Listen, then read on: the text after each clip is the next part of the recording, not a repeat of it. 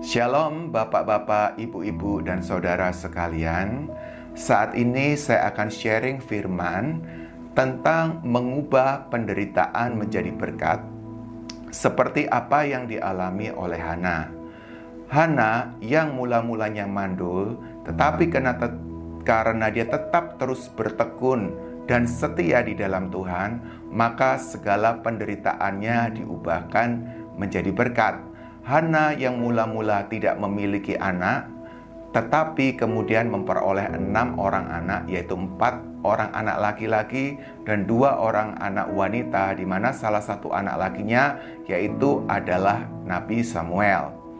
Ada tiga hal yang dilakukan oleh Hana untuk mengubah penderitaan menjadi berkat, di mana kita bisa meneladaninya dan mengaplikasikannya di dalam kehidupan sehari-hari. Yang pertama adalah tekun mencari Tuhan. Setiap tahun, Hana datang beribadah ke rumah Tuhan, dan pada saat Hana datang beribadah kepada di rumah Tuhan, maka madunya Penina selalu menyakitinya. Penina ini adalah gambaran orang yang tidak berbahagia. Karena kenapa? Orang yang berbahagia pasti tidak ingin menyakiti orang lain. Penina ini adalah gambaran orang yang ingin memuaskan egonya karena dia merasa tidak bahagia karena di dalam hatinya dipenuhi dengan cemburu dan dipenuhi dengan iri hati dan ini semua dia butuh pelampiasan yaitu kepada Hana.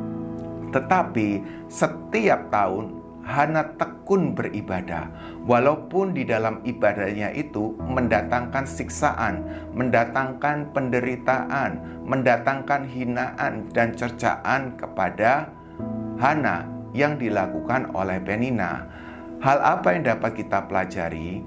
Biarlah ibadah kita walaupun itu mendatangkan penderitaan, walaupun itu mendatangkan ketidakadilan, walaupun itu mendatangkan kerugian kepada kita, kita tetap terus melakukannya kepada Tuhan.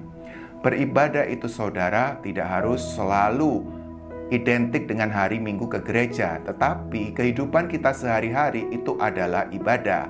Sehingga pada saat kita berfungsi sebagai suami, sebagai istri, sebagai anak, sebagai pengusaha, sebagai karyawan, sebagai pemilik toko, maupun sebagai pengerja, dan karena kita ingin melakukan kebenaran, maka kita harus mendata, menderita kerugian, maka kita harus menderita hinaan, maka kita harus menderita ketidakadilan dan bahkan disalahartikan oleh orang lain. Tetapi jika kita melakukannya untuk Tuhan, maka itu dapat dikatakan bahwa kita tekun beribadah mencari Tuhan, karena kita melakukannya untuk menyenangkan hati Tuhan walaupun itu mendatangkan kerugian bagi kita, walaupun itu menyiksa jiwa kita, walaupun itu menyakiti jiwa dan hati kita. Dan yang kedua yang dilakukan oleh Hana yaitu berdoa sesuai dengan kepentingan Tuhan. Hana berjanji bahwa dia akan memberikan anak pertamanya kepada Tuhan untuk kemuliaan Tuhan dan itu yang dia lakukan. Dia memberikan Samuel kepada Tuhan untuk dikhususkan menjadi milik Tuhan sehingga Tuhan berkenan.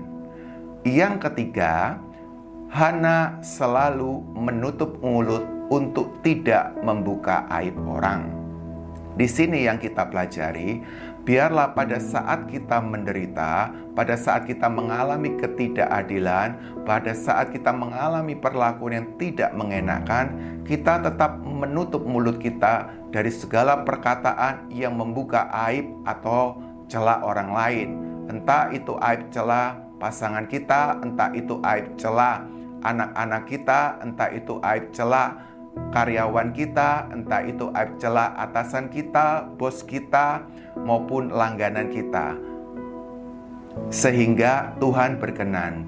Karena pada saat Hana berdoa di hadapan Tuhan, di depannya ada Imam Eli, Hana disalahartikan sebagai seorang yang mabuk karena Hana mencurahkan isi hatinya dengan mulut yang cuma bergerak-bergerak tanpa mengeluarkan kata-kata, sehingga Imam Eli tidak bisa mendengarnya. Dikiranya bahwa Hana adalah seorang yang lagi mabuk.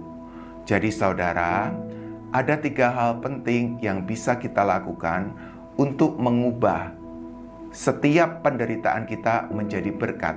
Yang pertama yaitu tekun mencari Tuhan, berdoa sesuai keinginan dan kepentingan Tuhan, dan yang ketiga, menutup mulut untuk tidak membuka aib orang.